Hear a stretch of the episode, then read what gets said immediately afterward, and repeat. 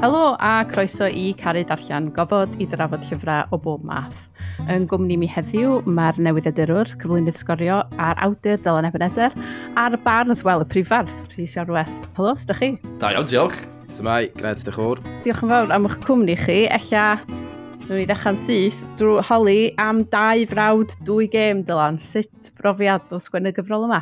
Nes i fwynhau, mae'n profiad gwahanol i ddechrau da, jyst o ran y cefndir, oedd y teulu Cybangos, yn, uh, maen nhw'n deulu ffantastig, wedi wneud rhaglen ddogfen i S4C.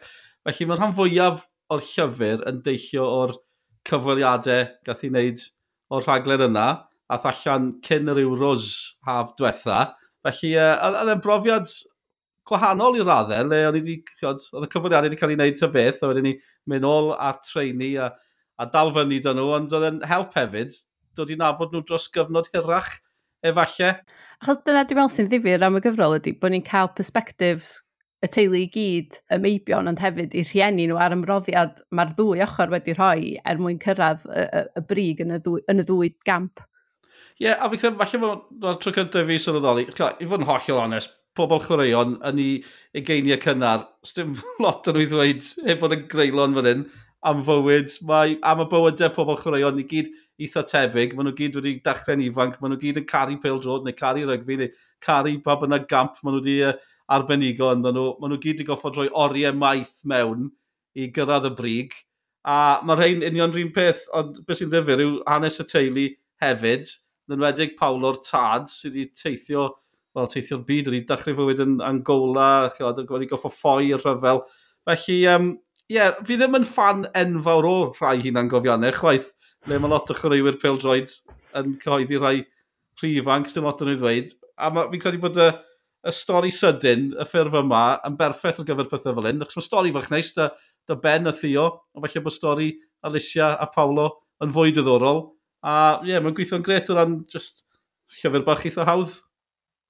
Ac oedd o'n brofiad gwahanol, i ti di sgwennu dwy stori sydyn o'r blaen, un efo Natasha Harding a un arall am, am dybrofiad brofiad di'n ystod yr Euros. Oedd o'n haws, oedd o'n anoddach, achos bod gen ti'r adnabyddiaeth na o'r, or teulu. Fel fi'n gweud, fi wrth y modd gyda stori sydyn, a mae llai yn bwysau arnoch chi hefyd, achos, achos chi'n gwybod faint o, faint o eiriau sydd angen fel, fe dim bod chi'n cyfri'r geiriau, ond rhywbeth. Ond ie, yeah, achos oedd y teulu yma, ond mor groes awgar, maen nhw'n ma deulu mor hyfryd, a rhyw stori bach yn wahanol dyn nhw. Fi'n credu falle oedd, oedd hwn bach yn haws. Oedd yr un cynta, a ni'n gysi fe'n anodd pan hanes yr Euros, achos ni'n meddwl beth yn y byd pwys eisiau clywed. A'r, ar, ar ymgyrch i gyrraedd yr Euros yn 2016 oedd hwnna, a wedyn ni, nes, nes, i, nes i fwynhau'r profiad. Fi wrth y modd yn sgwennu, ond just sa'n ddau o'n trefnu mywyd, felly cael yr amser yw'r problem. Ond mae stori sydyn nod y gyfres ydy um, rhoi straeon eitha bachog, eitha sydyn er mwyn tianog pobl eich sydd wedi colli yr arfer o ddarllen neu tianog pobl i godi llyfr eto. Ydy hwnna'n heriol o ran y sgwennu? Ie, yeah, o'n i, fi ddim yn trio meddwl gormod am y peth. Fi'n trio cadw fe'n syml. Nw'n wedi gyda lleisiau Ben a Theo, maen nhw, tiod, boes ifanc o Gyrdydd, maen nhw'n cael addysg Gymraeg, o Ben yn enwedig, yn fwy cyfforddus yn siarad yn Saesneg, ond eto, hollol hapus yn ei cyfwriadau yn Gymraeg, felly mae'n gret can. O'n i'n trial stick cael eu llais nhw drosodd, dwi'n yn gosod yn llwyddo tro amser, ond fi'n hoffi taflu geiriau mewn, ti'n meddwl, i'r golygydd wedyn ni, ddewis, faint mor gywir maen nhw eisiau'r Gymraeg i fod, ond fi'n sgwennu fe eitha bron fel sy'n dod allan o'i cegau nhw, fel petai, felly, a, a, a, yn amlwg chi'n trial twtio a, a tacluso fe fan hyn fan draw, ond fi'n caru uh, just lleisiau'r ddau yma, mae rhywbeth am Cymru fan Cerdydd, mae mlant i'n ysgolion cynradd yng Nghaerdydd, just dwi wrth y modd mae rhyw, uh, a fi'n cysau'r gair cynnwr, ond mae yna ma rhyw deimlad da gwmpas y ddinas ar un o bryd, a mae pobl fel rhain, fel y cyfangos ifanc yma, maen nhw'n teimlo fel y, tiod, y genhedlaeth newydd fel bethau. Ac oedd hi'n her sgwennu am rygbi? Na, dim yn gwybod. Fi'n gwella. Fi'n dachau fi wedi goffa dysgu'n ddiweddar i, i, i uh, drafod pob pwnc le ar un adeg dim ond pil drod oedd y mywyd i, ond nawr gyda, gyda dros brecwast, chi'n mynd o o bel drod i rygbi, i wleidyddiaeth, chwaraeon yw chwaraeon yn y bôn. Maen ma, nhw'n, eto, fi'n swnio fel bod fi'n dibrisio'r boys yma, achos mae beth maen nhw'n neud yn anhygol, ond mae bywyd yn wyth a syml, maen nhw'n just mae obsesiwn dyn nhw, a maen nhw'n goffod troi gymaint mewn i'w camp. Dwi'n mynd yn rhy gymleth o bethau. Mae'n anhygol. A fi'n fi gweld e, nawr i raddau, mae merch fi'n 11, okay, tio, dwi ddim yn mynd i ennill y gefau Olympaidd, mae'n i darllen nofio, a mae'n mae cymryd e o ddifri, a mae'n nofio bron 5 gwaith yr wythnos erbyn mm. hyn. A chi'n gweld, a mae'n o reit, chod, fel fi'n gweud, sy'n credu bydd hi'n uh, ennill unrhyw gemau olymp. Dwi'n mynd Adam Peaty arall, ond mae'r ymroddiad i fod y gorau, a mae mab i chwarae pil drod, a mae fe dim ond y naw, a, chod, a eto, dim ond e ddim yn mynd i fod yn chwarae i Gymru, ond mae fe'n mwynhau, rhedeg rownd o'i ffrindiau fe, a fi'n gweld yr gorau yn ei plith nhw, sydd wedi mynd i gael treialon gyda Cydydd, Abertawe, Casnewydd, a rhain, a siarad o'r rhieni, a maen nhw'n cyrraedd, maen nhw'n dda ar y lefel yma, wedyn maen nhw'n mynd i'r lefel nesaf, a maen nhw jyst yn un chwaraewr ymysg canoedd, a mae'r ymroddiad, mae'r pobl fel Ben a Theo Cybango wedi goffod rhoi i gyrraedd le maen nhw. Mae'r fath fel un y cant yn credu'r ystadegau yn o'r mm. sy'n llwyddo i gael cytundeb proffesiynol yn y byd pildrod sy'n frowychus. So ie, yeah, chi yn gwerthfawrogi beth maen nhw wedi goffod wneud. A beth mae'r rhieni wedi goffod wneud, chi maen nhw wedi goffod y berthu gymaint o'i amser hefyd yn, uh, yn mynd yn nhw, fel taxi i bob man. Ydy hwn yn math o lyf bys y ti'n darllen, Rhys? dwi wedi ddarllen o. Um, o rai fi, o'n i'n teimlo dyletsio i wneud, ond bod o'n oras, dwi'n meddwl oedd um, benderfyniad eitha cry, eitha, eitha call i, i gynnwys a bwyntiau y teulu i gyd. Da. Y darna yna nes i ffeindio fwyaf diddorol, dwi'n meddwl, achos o'n amlwg, mm. ia, dydyn nhw megis dechrau ar ei gyrfaedd maen nhw. Da. Ond fel mae'n digwydd, mae um, bywgraffiadau, hunan fywgraffiadau, chwaraeon a peldroed yn enwedig, yn wahanol i dylan, mi ydw i wrth y modd efo nhw, da. Yn amlwg, mae yna ma rei gwell na'i gilydd, a mae yna'r ma diwylliant yma, y churn them out, docho, lle mae lle ma, ma nhw'n eillain so, ar ganol i gyrfaedd, ma nhw'n enwa mawr a ma nhw'n trio achub ar y enwogrwydd yna jyst i werthu milynau o pia straeon digon diflas di hynna gan amla, jyst mynd trwy'r motions lle. A mae yna hefyd rei, dachwa, yr pobl ar ddiwedd i gyrfaoedd enwa mawr, ond dyn nhw'n mynd fawr ddim na dweud, tod, mae nylion ffeithiol am i gyrfaoedd, a mae hynna'n ma gallu bod reit ddiflas, ond dwi, dwi yn dal i prynu nhw fel mae'n digwydd yn wedig os dyn nhw'n chwerwyr Lerpwl neu Gymru neu bobl dwi eisiau gwybod to, mynd, mynd i lygad y ffynon am ddigwyddiadau penodol ond, ond wedyn mae yna rei sy'n sy gwbl wych mae yna rei sy'n sy amlwg yn, yn fwy gones na'i gilydd ac yn deud lot mwy, mwy na, na just effeithiau moel, a wedyn heini dwi'n dwi, dwi, dwi, arbennig o licio math o beth swn i'n ddarllen ar yngwylio. So, pan ti'n misio dim byd rhyd drwm, neu pan ti'n teithio ar dren o fath, dyna'r math o lyfr dwi'n licio ddarllen, de, so dwi'n dwi, dwi, darllen tomen o, o bethau felly. Sgyn ti argymhellion? Hynna'n gofianna fysa ti'n deud dylsa pawb ddarllen? Wel, oedd um, oedd Dylan yn fi'n siarad cyn recordio, de, a da ni'n dau, da ni dau wedi darllen um, Back from the Brink gan Paul McGrath, mae hwnna, mae'n flynyddoedd ers i fi ddarllen hwnna, dwi'n cofio gymaint o, o'r stryd, so, bwyd hynod galad, so, mewn cartra gofal yn, yn ilyn, um, fel person, so, um, croenddu mewn cymdeithas, so, gatholig, um, a so, i helyntion diweddarach o, e, efo, efo alcohol. So, dwi'n cofio un, dwi'n dal i gofio pan mae'n sôn am, am yfad bleach. So, oedd dyna pam, dyna pa mor i'r dyna faint oedd o di suddo i'r gwelodion, so mae bod o'n yfad bleach, achos mae dyna oedd yr unig beth oedd yn y tu, alcohol yn fo. Ond dal i fod yn chwaraewr, dwi'n er, o'n i'ch chdi bach yn ifanc i gofio fo'n iawn, ond sbio ar, ei glips, so, oedd o'n amddiffynwr gosgeiddig, darllen y gem yn wych. Oedd o hyd yn oed yn gallu chwarae man of the match pan oedd wedi bod yn yfod trwy'n nos, o dangos i dalent ar uthro o. Mae uh, pethau fatha um, Paul Gascoigne, to, ma, ma, lot o'r chwyr yma sydd yn mynd trwy'r felin, So, mae, hmm. mae, mm. mae hynna'n gofiannau nhw'n dieddol pa ma nhw'n penderfynu bod nhw am agor eu clona. Lle. Mae hynna'n gofiannau nhw'n gallu bod yn lot fwy difyr na rei, tod, y rei sydd just yn mynd trwy'r motions. Mae'r un Paul McGranan, mae'r un Paul McGranan yn anhygol. Mae fe'n dachrau, mae'r benod gynt, mae'n cydio chi'n syth, achos mae fe'n ma fe y llys na gyfer, a maen gofyn am i gyfeiriad, a mae fe stym gyd yn oed cartre dy fe ar y pryd, mae fe'n mae wedi bod mewn trwbl am rhywbeth, ond mae fe'n, ie, yeah, mae'n gignoeth iawn, chwarae teg. Ie, achos bod chi wedi sôn am y llyfr yma, nes i fynd i sut edrych mwy amdano fo a meddwl, o oh, yes, dwi'n gwybod dim byd am fel droed, ond o just darllen y disgrifiadau, mynd, o oh, ie, yeah, dwi'n gallu dychmygu sôn am lyfr anhygoel i ddarllen y pegynnu yn der rhwng yr pa mor wych oedden nhw'n gallu fod ar y cae a pa mor isel oedden nhw'n gallu mynd yn bersonol ac yn feddyliol a does na ddim cweit gella gymaint o gyfrolau yn y Gymraeg sydd yn ymdrin a a chwaraewyr peldroed, falle dos na gymaint o hynna'n gyfiannol, gymharu dyda rygbi, lle dwi'n teimlo mae yna lot, mae'n teimlo fath o bod yna lea trin dod allan bob dolyg. Ar y rhys yn sôn, mae rhai nhw diwedd i gyrfa, maen nhw'n gwneud e er mwyn manteisio ar enwogrwydd ac ati. A cofio, eto, stori sydyn, mae'n gret. Ond os na chi fynd dan groen cymeriad, eto, dwi ddim yn gweld y pwynt. Lle un gyfrol o'n i'n gallu meddwl amdano fo, a dwi'n gwybod os ydych chi ddech chi'n ydi, um, un Rhodri Jones am meddwl am man oedd yn trafod eto hynna'n gofiant onest iawn ynglyn â'i brofiadau fo a'r, ar profiad o fod yn chwarae maniw, ond wedyn yn cael anafiadau. Oedd hwnna'n oedd hwnna'n gyfrol wahanol iawn, dwi'n meddwl, i'r cyfrol eraill sydd wedi bod yn dweud. Dwi, dwi heb ddarllen hwnna fy hun, ond um, efallai ddechmygu bod i da, a mae Dwi'n meddwl bod hynna'n gofiant Malcolm Allen hefyd, mae'n werth cyfeirio at, hwnna, achos mae hwnna, mae, ma Malcolm reit, reit onest yn hwnna, da. Achos mae'n bywyd mor eithafol yn dydy, mae gen ti'r cyfrod, a, a ti'n gweld o yn dau frawd dwy gêm, yr, yr ymroddiad mae o oed mor ifanc, na dyna di dy fywyd di gyd am gyfnod mor hir, a dydy dyrfa di ddim yn un hir iawn o bosib, ac wedyn, beth ti'n neud wedyn, de? Ie, yeah, ni'n dachrau gael mwy o hyn, nag i fi'n credu, bod pobl yn fwy ymwybodol o'r just a sioc i'r system pan mae fe'n dod i ben. Fi'n credu mae yna lot o, sy'n lot, lot o gyd-ymdeimlad mas yna i Bill Droid neu unrhyw gamp, achos maen nhw wedi cael gyrfa mor lwyddiannus, maen nhw wedi gwneud arian, maen nhw wedi bod yn ser. Ond eto, beth sy'n digwydd pan mae fe'n gorffen? A fi'n cofio, o'n i'n arfer gweithio dy Rodri Jones, digwydd bod. Pan oedd e'n chwarae, dde wedi dod o Manchester United, dde wedi dod nôl i chwarae yng Nghymru, achos cael ei ollwng dy Manchester United cael problem anafiadau. A edrych nôl nawr, oedd e wastad yn rhwystredig, a dde ddim yn hapus os oedd wedi colli gêm.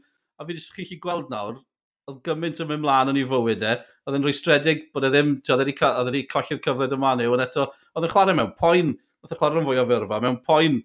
So, a wedyn, dych chi rwy'n fel fi'n dod lan i holi ddo fe, cwestiynau hollol un o'r ddiwedd gêm, rhyw ganlyniad yng Nghym Bran. Dim rhyfedd bod e'n frustrated, Rian.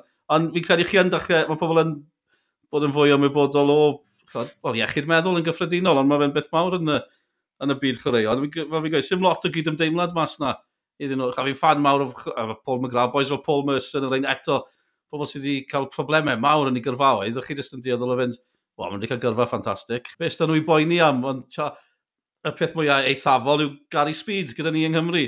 Chi'n gwybod, arwr i gymryd o bobl, y boi yma, chi'n meddwl bod popeth da fe, a chod, a bywyd yn dod i ben, mewn modd hollol tragic. Dim syniad ydy, beth sy'n mynd mlaen yn bywydau personol y pobl yma, na unrhyw un rili, nag ysaf, e? felly, um, no, yeah, mae, no.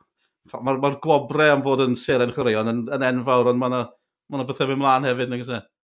O bosib, y cyfnod yn nath, nath y Wel, fel sy'n ni dŵf mawr mewn trafod peldroed mewn llynyddiaeth oedd dros yr Euros a gath yr Euros lanfod ano'ch di, Rhys, ac mae'r mae cerddi, mae'r ma rhai o'r cerddi i'w gweld yn dy gyfrol newydd di cawod lwch. Yndi, dwi'n gwybod bod i'n so, pan oedd y gyfrol yn mynd i brynt, oedd hi dros 5 mlynedd ers yr euros, ond tyff, de, oedd y cerddi dal, dal yn mynd i fewn, achos dwi dal i ddeud. dwi, da, dwi dal i ddeud, oedd o y, y mis gora erioed, de. Um, a beth sgen i ydy, gen i rhyw fath o, o nid dyddiadur, ond rhyw fath o deithlyfr y barddoniaeth, e, achos dwi'n dwi, dwi cychwyn yr adran yna yn y gyfrol yn Zenica, yn Bosnia Herzegovina, nôl yn 2015, pan nathon ni wel, colli'r gêm dan sylw, ond dal llwyddo i, um, i gyrraedd yr Euros yr ha wedyn, a o'n i'n am yn y glaw mawr um, efo 700 o Gymru eraill, a o'n i'n dweud, nid, nid y glaw oedd yn achosi y, y, y gwlwbder a'r focha, tod, ond dagra, tod, dynion yn ei hoed a'i hamser yn crio go iawn o lawenydd. Da ta waith, ia, da ni'n dechrau fanna, wedyn da ni'n ni mynd fesul golygfa mewn ffordd wedyn yn y, yn y gyfrol, ta, da ni'n ni nghaerdydd ar drothwy uh, y bencampwriaeth wrth i ni gychwyn yn yng Nghampfan. Da ni yn mynd i Bordeaux yn amlwg a'r holl gynnwr fod yn Bordeaux, da ni symud ymlaen, um, neidio cwpl o gemau wedyn i Lille. Um, dwi'n cofio sgwennu, dwi'n cofio darllen y gerdd yna um, yn fyw o'r, or Grand Plas yn Lille a Radio Cymru a'r, um, ar, ar y marc, tod, ar cyffro, bora sadwn yna, jyst yn anhygoel. Um, a dyna ddech afbwynt i fi, yr holl beth, fyd y gêm yna Lille yn ebyn y Bel Belgiaid. Tod, oedd lle'n orlawn o Belgiaid, achos oedden ni ar y ffin efo Gwlad Belg, ond o, pan oedd y drydedd gol na fewn, oedd jyst yn, ie. Yeah dwi, dwi dal yn dy wan yn meddwl am y peth, a wedyn taith, da ni gorffan wedyn, wel, da ni symud mlaen i Leon, ar y diwedd a da ni gorffan wedyn yn ôl yng Nghaerdydd. Lle dwi yn trio gofyn rhyw fath o gwestiwn tod, yn ytrach na just yn hytrach na darlunio fe i gyd fel rhyw baradwys. Dwi yn trio gorffan efo rhyw gwestiwn eitha pryfoclyd, so ydy unrhyw beth wedi newid yng Nghymru go iawn. Lle. So, dyna'r dyna cerddi sgan i um, yn, yn, yn cawod am yr Euros. A, so, Mae'r ma, ma, ma, ma holl gyfro mewn ffordd, um, oes, mae gen i fi gerddi cyffredinol am themau reit oesol yma, ond hefyd mae lot o'r, gerdd, or gyfrol wedi cael ei strwythuro o, o amgylch digwyddiadau, to, sy, sy di, pethau sydd wedi digwydd yn y saith blynedd ddwytha, lle sef ers i fi gyhoeddi yng nghyfrol gyntaf o farddoniaeth wedyn. So, mae yna bethau fatha adranna am, am, am ganlwyddiant yr rhyfel mawr, gen fi lot o gerddi personol am fod yn dad achos na chdi wbeth mawr arall sydd wedi digwydd yn y mywyd i. O ran y cerddi pildroed, oedd y ti'n sgwennu nhw ar y pryd, neu oedden nhw'n... Oedden nhw'n gerddi oedd ti'n gorfod sgwennu tra ddech chi yna, neu ddech chi'n ei brysur, neu dyn nhw'n gerddi lle ddech ti'n edrych nôl, neu... Wel, fel mae'n digwydd, da, yn enwedig yr ei diweddara, o'n i'n fardd y mis ar Radio Cymru, a na chdi, na chdi, os... Um, wow. Ond oedd on, on, hwnna rhyw gleddyf dwyfig, da, achos, um, tod, o'n i, ar un wedd, oedd o'n, oedd o'n gorfodi fi sgwennu yn y fan ar lle to, a, a dal y foment fel petai. Da. Ond ar yr un pryd hefyd, mae trips peldroed ar, ar y gora yn bethau blinedig a mae mynd, ma mynd am fus cyfan mewn camperfan i Ffrainc. Tod yn gallu um, rhoi lot o dreth ar yr egni da. So, o'n adega pan o'n i'n meddwl, oh, peth ola, peth ola yn y byd dwi eisiau neud wan ydi sgwennu blwmyn cerdd arall da.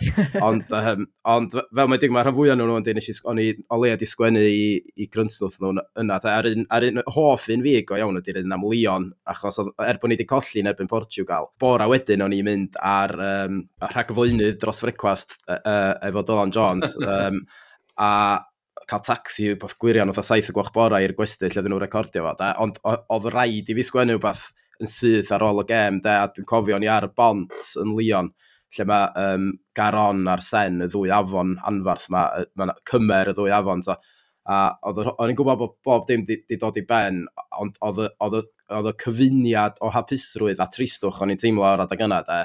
Nath, nes i sgwennu'r gerdd fwy'n lai ar y bont na yn ymhen yn y fan ar lle. So, a, a dwi'n meddwl bod, e, e, erbyn heddiw ella bod hi'n swndio braidd yn sentimental, mae yn gerdd sentimental, ond dwi'n falch bod fi yna, dwi'n falch bod Radio Cymru di, di ngorfodi fi i sgwennu hi, achos fel arall go brin fyswn i di dal y, y teimlad yna, de. A defnyddiol iawn i sgorio hefyd, dwi'n siŵr. A, chi'n be, mae dyn ni, wel, ddiolch mawr i Beirdd Cymru. Mae'r uh, Mae'r... Sa'n gwybod beth oedd y fflach greadigol nath ddod o'r Euros. A mae Nick Parage yn dwy'n cerddi pawb, basically.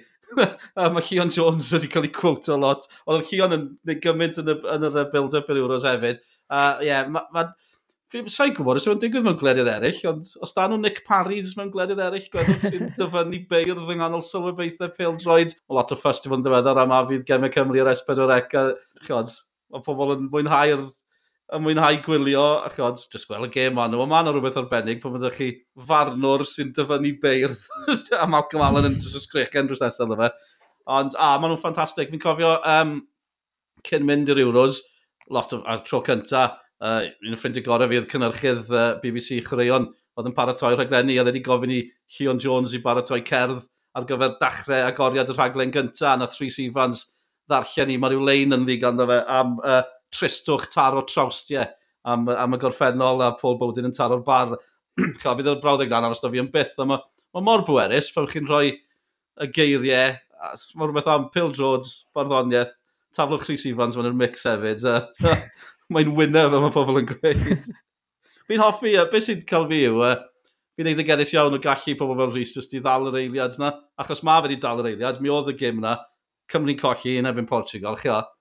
Oedd e'n oedd yn ddiwedd, o fel oedd yn gweud, oedd pawb yn gwenu, oedd gyfodd y criw teledu, dyn ni, oedd pawb yn ei dagre, so, oedd pobl just, oedd, just, oedd mis cyfan, oedd emosiwn y peth wedi mynd yn enfawr. A mae'r ma, ma, ma cerddi na, Rhys Pwm, i sôn am dy blant yn cael ei geni, ti o, fi'n, mae fi'n dod o fe'n ôl, chi o, fydden ni wrth y hmm. modd gallu dal yr eiliad yna, chi chi dal e mewn llun, yn chi ffili, na llai'n dal e mewn geiriau fel yna, ta beth, ond mae rhywbeth arbennig am, chod, yr eiliadau mawr na mewn bywyd. Dylen ni'n cymaru gem y pêl drod, y plant yn cael ei geni, ond uh, Emosiwn yw emosiwn am yn un. Wel, dyna peth. A dyna sydd ddim... Oedd ti'n sôn bod y gyfrol newydd sydd gen ti yn, yn, yn chronico cyfnodau a prosiectau ti wedi bod yn gweithio nhw, ond o'n i'n nes i fwynhau y cerddi am y cyfnod clo yn arbennig, achos o'n i'n darllen nhw jyst cyn i ni recordio, ac oedd o'n dod efo nôl yn fyw yn syth y teimlad na bod chdi'n y tŷ, ond eto, oedden ni'n lwcus iawn yn ffordd, oedden ni'n ni saff, ac yr, y cyfnod yna, oedd hi'n oedd hi eto yn, yn braf cofnodi hwnna. Wel, dwi'n meddwl, yn ddifur, tod, um, mae'r ma, ma cerddi'r pandemig ar y cyfan, dwi'n meddwl, drwy gyd-ddigwyddiad wedi plethu efo'r cerddi am enedigaeth y plant, to, achos gafodd y ddau i geni, wel, gafodd Magw i geni rhyw dri mis cyn y cyfnod clo cynta, ond ddoth idwal yn ganol yr ail gyfnod clo. So, so dwi'n meddwl bod hi'n anatod, really, bod, um, bod y ddau beth ynghlwm efo'i gilydd, achos fydda i wastad yn cysylltu y pandemig a'r cyfnodau clo mawr yna efo y plant yn ifanc iawn, twa, dod i, dod i ddysgu bod yn dad mewn ffordd, twa, ac wedyn mae'r ma ddau beth yn, yn anwahanadwy bron iawn. Ond um, o, ran, o ran cofnodi am y pandemig, dwi'n meddwl, oedd hi'n oedd e ddim yn beth bwriadol bod fi, dwi, dwi angen gwneud, de. Ond, tod, mae o, o feddwl, ond, mae'n... mae wedi bod yn ddwy flynedd mor rhyfeddol. Tod. Mae ma, ma just sbio ar yn ôl ar, ar y cerddi yna yn, yn chdi bach yn odd, achos wrth i ni gyda lwc tod, gefnu tod, ar, ar, y gweitha. Mae just yn, mae just yn anodd meddwl bod ni wedi bod trwy'r holl beth. Tod, achos mae pethau wedi dod nôl i normal i, i bob diben rwan. Tod, tod, gafodd yr euros gyntaf i canslo, gafodd bob dim i canslo, Da ni wedi byw trwy hwnna i gyd, a wedyn dwi'n falch bod, bod gen i gerddi am y pandemig da, achos os, fel, os dyna ni wedi rhywun ffach di, tod, gofio nôl, wel, mae yna beth da, dyna, dyna i diben o, to, achos maen nhw, oedd angen i groniclo fo rhywsyd, dwi'n meddwl, allas ar gyfrol, sa na fwlch yn y gyfrol sy'n ni heb wneud, da. Achos dyna sydd yn rhyfeddol, dwi'n meddwl, ti'n ti anghofio mor sydyn yn dweud? Yn union, ond, ond hyn oed flwyddyn a mis yn ôl o bob yeah. dal ar gael, mond flwyddyn a mis. Achos oedd, oedd, oedd idol gen ni bron o cael ei eniad ag yna, oedd ddim byd ar agor, da. Wedyn, mm. ia, yeah, ddim o'r bell hynny'n ôl, ond eto mae yn teimlo, Mae'n ma teimlo fel canrifoedd ac fel dim byd ar yr un pryd. Mae'n syndod fel ni'n, uh, fel mae pobl yn addasu, fi'n credu, achos fi'r un peth, a un o'r profiad o recordio, hwn nawr chi'n trial, ni gyd yn gyfarwydd y cyfarfodydd rhithiol ac ati, a mae llai a llai ohonyn nhw, unwaith chi'n mynd nôl mae fe gyd yn dod nôl rhywsut, neu gyfer, chi'n gwasgu'r record, pobl ddim yn clywed i gilydd, pethau technegol ddim yn gweithio. Oedd rhyw gyfnod le, oh, oedd y plant gartre, oedd rhyw ddwrnod inset yr ysgol yn rhywbeth, oedd y plant gartre a rhyw waith dyn nhw'n neud. A ni gyd rhwng y bwrdd. A doth e gyd nôl i fi, oedd y cyfnod, le, cyfnod cyntaf na le oedd pawb adre, y plant gatre, fi angraig yn triol gweithio adre, a nhw'n triol neud gwaith ysgol, a, ma, a fi ddim yn cwyno, a mae bywyd ni'n gyfforddus i gymaru lot fawr o bobl, ond oedd e'n anhygol. Chod, yr hyn, oedd jyst pen chi ar chwal dros y lle i gyd. Ond eto, nis o'n dim, ni fynd trwyddi, ond nawr chi'n dod, fel mae Rhys yn gweud, gobeithio dim allan yr ochr arall, chi'n sylweddoli gymaint o beth oedd e. Ni'n ni, byw trwy well, digwyddiad unwaith mewn bywyd. Gobeithio, chi'n clywed am y o'n i'n clywed am y Spanish flu trwy amser pan o'n i'n tyfu fyny. Fel, nath i dychmygu'r peth, ni wedi byw trwy rhywbeth tebyg iawn. Beth fi'n fwynhau am dy gyfrol yma ydy Rhys, ydy ti wedi gweithio efo ffotograffydd eto. Um, efo gyfrol gyntaf nes ti weithio efo Rhys Aneirin a bod o wedi dylunio i gyd fynd efo'r cerddi a tro yma efo ffotograffydd o Gynarfon. Ia, yeah, wel, mae Geraint Thomas da, um, mae weithdi fo, mae siop o'n Ganarfon, uh, boi oedd y ffrinanlle ydi o, a mae'n byw, dwi'n meddwl, um, cyffinia balaf o'na. Ond ia, mae, mae oriel o panorama Cymru ar stryd y plas yn Ganarfon. A oedd hi wastad, so, dwi wedi gweithio lot efo Rhys Anirin a dwi wrth y modd efo'i waith o. Um, ond i'r gyfrol yma, o'n i jyst eisiau bod gwahanol, to. Felly, o'n i'n meddwl, reit ffotograffa, ella, di'r ffordd ymlaen. A um, Geraint oedd y boi amlwg, achos dwi'n nabod e yna weld ar y stryd. Dwi'n dwi aml mynd i, i gaffi y wal drws nesau i wario i weithio. Mae ma Geraint yna bob, bo munud yn, ôl, yn ôl i goffi. Wedyn, o'n i'n nabod Geraint, tod, no, fo, fod i'r boi amlwg. Wedyn, dwi'n dwi, dwi, dwi, jocian yn aml da, allu di gasau barddoniaeth um, elli di gasau fi, elli di gasau fi a marddoniaeth, ond i di dal enjoy'r llyfr, achos bod, achos bod, bod lluniau geraint, diolch, diolch i drygaredd yn ddarna o gelfyddyd yn ddyn nhw hunan, a mae'n dyrchafu. Dwi'n gobeithio tod, bod nhw'n bod nhw'n dyrchafu'r cerddi hefyd, ond yn bendant, maen nhw'n ma nhw lluniau sy'n... Dwi'n dwi, licio um, cyfrola efo, efo lliw da. A to, mae yna lot o liwiau yn, yn y gyfrol a sy'n gobeithio'n adlewyrchu y naws yn y cerddi wrth, i'r themau mae'n newid wrth fynd drwy'r gyfrol. Lle.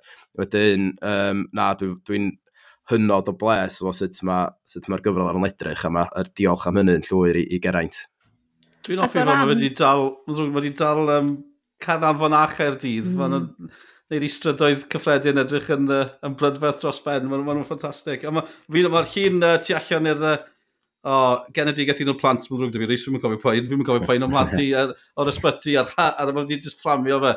Mae fe'n um, llun, ie, mae lluniau'n ffantastig. Ond dwi'n meddwl hefyd, mae'n eitha nodedig, o'n i ddim isio hyn, chwaith, o'n i isio cer, y lluniau yn union gyrchol adlewyrchu cynnwys y cerddi, to, dim dyna o'n isio, dwi'n meddwl sa hynna, sa hynna, sa'n am digon o gelf yn hynny, lle, yn amlwg mae'r ma lluniau yn cyd-fynd efo'r cerddi, ond mewn ffordd eitha cynnil to, rhyw wedd ar y cerddi neu mae yna rhyw dirluniau, ond dydyn nhw ddim yn lluniau sy'n uniongyrchol mm. um, gysylltiedig efo'r efo deunydd neu cynnwys y gerdd. Da. A un peth diddorol iawn hefyd, y llun ar y clawr, wel, um, cawod lwch, o'n i'n gwybod mae cawod lwch os o testyn, fysa enw'r gyfrol, a um, mi ath, mi ath Geraint ati a tynnu'r llun yma o'r ser, a mae'r llun wedi cael ei dynnu yn hwtyl yn Gynarfon, A os edrychu di ar y llun, beth gennych di ar yr ochr chwyth, mae yna siop chips, ar yr ochr dde, mae tafar yn y Twtl Walt, a reit yn y canol, mae tŵr yr eglwys.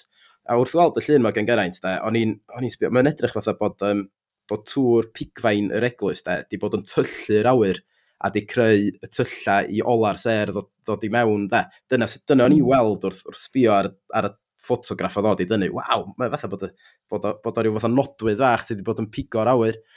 A wedyn, nath yna roi syniad i fi wedyn am y gerdd, dwi'n meddwl yr ail gerdd yn y gyfrol, tod, um, rhwng, tod, dwi'n hyn o cofio fy hun, beth i henwi, rhwng Gres, shop Chips a Thafarn. Wel, ddilliodd y gerdd yna yn uniongyrchol o ffotograff Geraint, da. Felly, nid, mae wedi gweithio ddwy ffordd yn achos hwnna, nid, nid just bod dod i ymateb i'r cerddi ni ffotograffa, mae yna y gerdd yna di deillio o lun y clawr. A ma, nes i gymryd, nes i just cymryd bod wedi tynnu llun ar ôl, ar ôl darllen y gerdd. Ond yeah. gwrthwyneb. Ie, yeah, be nes i, nes i reid tod, rhoi rhestr o, o'r cerddi o'n i'n meddwl fysa'n cynnig y hynna'n at ffotograffa. Nes, nes i'n drian, nes i'n nes i'n morfodi fo i o'r darllen yr holl gyfrol. So, nes, nes i ddewis y dethol, dwi'n meddwl mae hein di rei... A, a, a'n amlwg hefyd, o'n i'n gwybod beth trefn y gyfrol, felly o'n isio'r lluniau di gwasgaru yn eitha, eitha cytbwys drwy'r drw peth. De. Wedyn, nes i roi rhestr iddo fo o'r cerddi o'n i'n meddwl, ond be, oedd o'n cytuno, a nath o, fwy na lai, o'n i'n meddwl allai sef o'n dewis rhyw, rhyw, rhyw ddwsin allan, da, mae wedi tynnu lot mwy na hynny, mae wedi, nath o weithio'n ofnadwy o galad i gael lot mwy o lyniau na o'n i'n disgwyl, really, wedyn, yn amlwg mae gen fo lygad i, i weld, a oedd o'n byrlymu o syniadau hefyd, o, sa'n ni'n gallu mynd i fanna, sa'n ni'n gallu neud hyn, wedyn, oedd o'n waith i fi o gwbl, so, nes i roi y, y rhestr iddo fo, a tho ati wedyn, a, a delivered the goods. O na, mae'n gyfrol arbennig a dwi'n meddwl bod mae'r plethoedd rhwng y, y ddau gyfrwng y gweithio'n ardderchog. Byddi di'n darllen lot o farddoniaeth Rhys neu jyst sgwennu fo? Um, na, dwi yn trio darllen barddoniaeth. Dwi'n meddwl bod rhaid i chdi darllen barddoniaeth i gadw dy arfan finiog. Um, mae'n anhepgor. Ond fel mae'n digwydd, os gair ei plug i gyfrol arall o'n heiddo. Da. Um, Gwrs. Union flwyddyn yn ôl iwan, o'n i'n dod i ben efo'r gwaith o lygu'r gyfrol dad. Um, cerddi am dadau, cerddi gan dadau. Wel, er mwyn llunio'r gyfrol yna, o rai fi ddarllen bob un llyfr barddoniaeth yn y tŷ a'r tu hwnt, to, ordro rei o'r llwrgell trwy'r post, er mwyn ydw i'n siŵr bod fi'n bod fi'n chwilota ddigon eang i, i, i, i, i gynnwys cerddi gan beir digon amrywiol mewn ffordd. Wedyn, adeg yma llynydd, o'n i So chdi wedi gofyn y cwestiwn yma i fi adeg yma llyna. Dwi'n dweud, dwi'n eisiau sbio ar unrhyw lyfr barddoniaeth eto am amser go hir. Ond dwi yn deddol o droi, ar y cyfan, mae yna dri chyfnod dwi'n deddol o o droi atyn nhw, de. So gennych chi'r beirdd um, rhamantaidd clasurol dechrau ar y geinfod ganrif, so pobl fath ar Williams Parry, T. Gwyn Jones, T. H. Parry Williams, dwi yn licio mynd nôl at nhw nhw di'r. So nhw nath roed sylfaen i be ddigwyddodd i'r gynghanedd am weddill y, y ganrif dwi'n teimlo de. A be ddigwyddodd wel, yr oes air yna wedyn yn y, yn y 60 a 70 pobl fel Gerall Lloyd Owen, Alan Llwyd a Dick Jones to, i cenedlaeth nhw A wedyn, ar eu hola nhw, oedd hefyd wedi rhoi platform, mi ddodd cenhedlaeth, wel, y cywyddwyr cyhoeddus brain iawn maen nhw'n cael ei galw, to pobl fel Myrddin Ap Dafydd a Iwan Llwyd a, a Tom Morris a Emyr Lewis a Tudur Dylan Jones a Kerry Wyn Jones i cenedlaeth nhw, da. Wedyn, dyna yn draddodiadol ers, ers bod fi'n yn barddoni fy hun, dyna'r tri chyfnod dwi'n deddol o droi nôl at nhw dro ar ôl tro. Ond, ond erbyn nhw'n hefyd, o, gennych chi feirdd yng Nghenedlaeth i a, a rheiau eto sy'n dod trwad yn don newydd eto fydd, a maen ma nhw, sa nhw bron iawn yn gallu cael ei, i, neu ni, yn gallu cael yn disgrifio fel, fel um, cenedlaeth arall ar wahân, so bedwaredd, mae ffordd felly. A dwi'n darllen lot o o ngwaith yng, yng nghyfoeswyr hefyd wedyn, um, ia, to pethau dwi wedi darllen o blaen ydyn nhw gyd, ond dwi yn weithio, pan, pan, pan sgen i awydd darllen rhyddiaeth, um, byddai'n aml, so just, just, oh, hyd yn oed os oes o beth ar, os oes o hyd yn oed os ydy'r teledu mlaen yma, neu os oes o beth eraill yn mynd o'n gwmpas i dde, just rhyw 5 munud, 10 munud amball gerdd, a dwi, dwi yn mol, i, i unrhyw fardd, so dwi'n mol bod, bod o'n bwysig darllen, de, neu mae'n anodd, ie, fel o'n i'n dweud, anodd cadw'r arfa yn finiog. Gan mae rhoi plug ydy pwrpas, de, un gerdd gen i yn y gyfrol nesaf yma, ond y golygu di'r Rhys Davies, ond dwi newydd gael yng nghopi fi o Inc yr Awen a'r Cread, sef blodeigerdd o gerddi am fyd natur, A mae hwnna yn yr union gyfrol i, i bori yn ddyn achlysurol fewn ag allan. A mae'n mae gyfrol hardd ofnadwy na chdi'n arall lle mae yna ffotograffa. A mae yna fwy fydd yn hon, mae yna ffotograffa ar bob tudalan i, i gyd-fynd efo'r cerddi natur yma. Mae nhw'n symud fesul thema mae hwnna hefyd. Gennych chi, ti'n dechrau efo'r cread, wedyn ti'n sôn am y moroedd, ti'n sôn am y uh, coedwigoedd, am y bloda, y pryfaid, yr adar, yr anifeiliad, a wedyn mae'n cloi efo cerddi am berthynas dyn efo natur. Da. Yn daclus iawn felly, ond cerddi sy'n rhychwantu canrif. A so, swn i'n disgrifio fy hun yn, yn, yn fwy byd y natur yn arbennig, do. Um, well gen i fi ffwbol. Ond, um, ond, ond mae yn gyfrol um, so, mae yna ma bethau gwych yn ddi, a, swn i'n, a y peth rhyfedda am hon, 10 bint, 95 mae'n gostio, so mae'n gyfrol bwr coffi yn ddi hun, yn sefyll ar ei thraed ei hun, ond wedyn ar yr union un bryd, mae'n flodeigardd gyflawn hmm. hefyd, de. wedyn, uh, yeah, swn i yn argymell hwnna i anreg da, so hwnna'n neud yn, yn bendant. Dylan, bydd ydy'n troi at farddoniaeth am ysbrydoliaeth ac am ie, yeah, a fi'n hoff iawn o, o farddoni, dwi'n ei ddigeddus iawn o bobl fel rhys sy'n gynganeddwyr, dwi'n just dwi byth di mynd mor bell a hynny, ond dwi'n potsian, dwi'n hoffi potsian, o'n i'n wrth y modd yn ifancach, ond jyst i'n mynd yn ddiog a mynd yn brysur, a ie, yeah, just, ac ni'n ni, ni neud lot o, um, maen nhw'n gofyn i fi weithiau gyda sgorio os oes yna gêm fawr, fel ni'n sôn cyn yr Euros, oedd Leon Jones wneud agoriad ar gyfer yr Euros gyda Rhys Ifans, a mae hwnna'r lefel hollol wahanol, ond ni'n neud pethau sy'n y gemau mawr dy Cymru'n dod fyny, maen nhw'n gofyn i fi, o, ti'n neud rhywbeth na'r na thing na ti'n neud gyda geiriau weithiau. Fi'n hoffi chwarae gyda geiriau pan mae amser, a mae'n gred pan mae'n fynd o'r at ei gilydd, mae'n deimlad allan, allan ddim dychmygu y wefr pan mae'n rhyw gynghanedd yn dod at ei gilydd, achos mae hynny pan mae'n rhyw frawddeg bach am Bill Jordan dod at ei gilydd, mae'n rhoi pleser i chi. Ond ie, yeah, ges i magu mewn tŷ, mae'n hads, mae'n ma, lyfrau diri, mae fel llyfrgell yn tŷ, tŷ mam a dad, a dad yn darllen, chod, beirdd mawr Iwerddon, Yates ac ati, a then, wrth i fod da hanes Iwerddon a a Americanaidd, so felly fi wedi bod yn pigo lan pob math o bethau. So, ma, fel oedd Rhys yn gweud, mae wastad yn pigo lan TH Parry Williams, sa'n gwybod, ma, ma, fi'n mynd fi darllen tir ysgol yn aml, sa'n gwybod pam, mae'r ma gerdd na'n cael fi, bob tro, mae'r diweddglo jyst yn bwrw fi, sa'n gwybod pam, rhyw, os oes rhyw ar un noson hwyr, cael diod fach, neu, neu dynnu feddi ar y tel, a mynd trwy reina. Um, yeah, fan mawr, ond jyst yn, yeah, eiddigeddus o'r, uh, o'r meistri fel bethau. Ac os na, os na lyfrau difyr eraill di bod yn mynd a'ch bryd chi dros yr misoedd ar wythnosau dwytha? So be dwi newydd orffan i ddarllen yn ddifur iawn de, am yr eildro, dwi'n mynd un sy'n deddol o fynd yn ôl at lyfrau, tod, os dwi wedi darllen unwaith, dyna fo, heb law, pethau dwi'n gwir wir onion nhw. Ond um, dwi newydd ail ddarllen Carafanio gan Gito Dafydd, a, am ddau reswm, pan ddoth i allan gynta ar ôl steddfod tod, Llan Rwst 2019, doedd gen i na charafan na phlant, Ond bellach, mae gen i, gen i ddau o un ag un o'r llall. Wel, gen i un garafan a, a dau o blant, nid dwy garafan ag un plant. Um, a swn i byth, de, byth di dychmygu'n hun yn garafaniwr, ond, wel, ath, athon ni am y plunge fel petai, a da ni wedi prynu garafan, a dwi yn mwynhau mynd, mae rai fi ddeud, da. A beth sy'n, so, mae'n ma, ma, ma lyfrau ni adra, gen un siw lyfrau fawr sgynna ni ar y landing hanner ffordd fyny grisia. Felly mae'r holl lyfrau fanna, felly wrth fy fyny grisia, mae'r rhaid pasio y casgliad llyfrau i gyd bob tro, a ddaliodd main gem carafanio jyst y sylw i ddwrnod rhywbeth efnos nôl. A ma, ah, to be, dwi, dwi awydd rhoi go arall ar hon, achos mae'n amgylchiadau fi di newid o'n.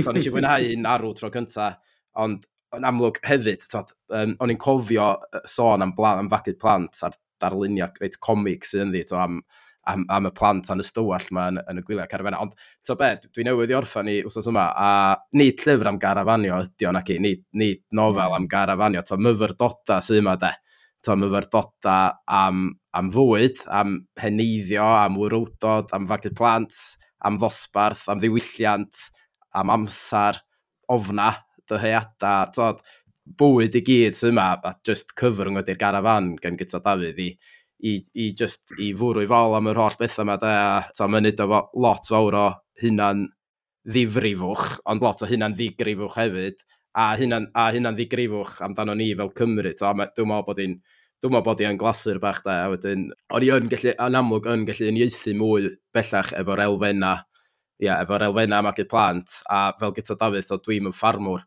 a mae'r benod am drio refyrsio'r garafan, a fynta rhywbeth wedi cael hyfforddiant fel ffermwr, o'n i'n gallu neithio efo hynny fyd, ia. ond na, tod, llyfr am, llyfr am fywyd ydy o, da nes i wir fwynhau hwnna. A wedyn, just yn sydyn, lle, dwi, dwi heb fynd yn bell iawn efo fo, ond dwi newydd fod yn Palace Print os yma i brynu um, pridd gan llyr Titus. A megis dechrau ydw i da, ond dwi'n meddwl bod hwn ella fo potensial i fod yn glasur arall da, achos mae'r ma sgwennu mor, mor reinus. So, pytia bach, golygfeidd bach, rhyw hen wr yn byw mewn rhyw dyddyn ma ar y mynydd, ond mae'r naws ar y wyrgylch, o'n i, on i yna'n syth bin, to, ach mae'r sgwennu mor gry, mor, mor rhywiog. Wedyn, ia, dwi heb yn dy bell, ond hyd yma, dwi, dwi, dwi'n meddwl bod hwn, hwnna'n un arall, dwi'n mynd i wir fwynhau.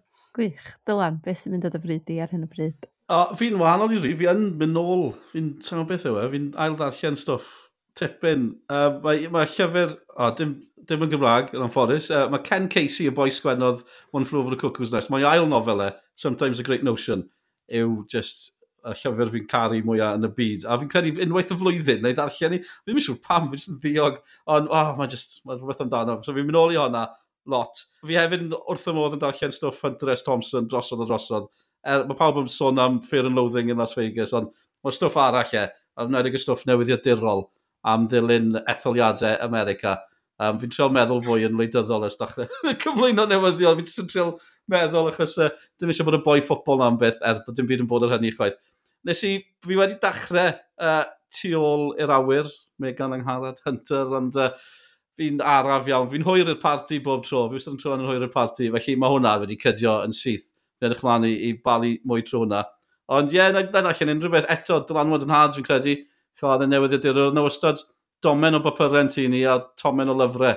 Felly ni'n dieddol o ddwy'n i lyfrau fe.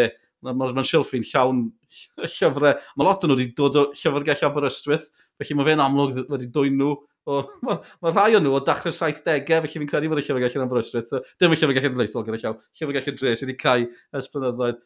Uh, just o ran stwff Pil pildroads, os oes rwy'n gyda diddordeb, uh, y llyfr dwi'n hoffi fwyaf, um, dim hyn yn gofio, hanes pildroed yn Brazil, Football, uh, The Brazilian Way of Life. A os chi, un o'n os chi ddim yn hoffi Pil Droid, mae'n nofel am sut mae'r wlad, sut mae obsesiwn y wlad gyda Pil Droid wedi tyfu. A uh, ie, yeah, unrhyw un sy'n meddwl bod nhw'n obsessed am Pil Droid fel fi, ni ddim yn agos. Mae nhw ar lefel arall. a mae'n mae rhywbeth cymdeithasol hefyd, felly chi cael bach o bopeth yn ddi. Mae'n mae dipyn o nofel. Na, mae'n rhywbeth wastad y braf a mynd yn ôl at lyfr sy'n rhoi cysur i chdi does, fatha un o'r llyfrau yna. Ti'n gwybod, ti gwybod lle ti'n sefyll a ti'n gwybod fod o'n mynd i ddilifro. Mae'n rhywbeth cynnwys braf hyfryd iawn am hynna. Wel, Rhys, Dylan, diolch yn fawr iawn i chi am eich cwmni heddiw. Cofiwch bod yr holl lyfrau da ni wedi drafod ar gael o'ch siop lyfrau neu'ch llyfgell leol. Ac um, diolch yn fawr am eich cwmni. Tara. Diolch yn fawr. Diolch, diolch Hwyl.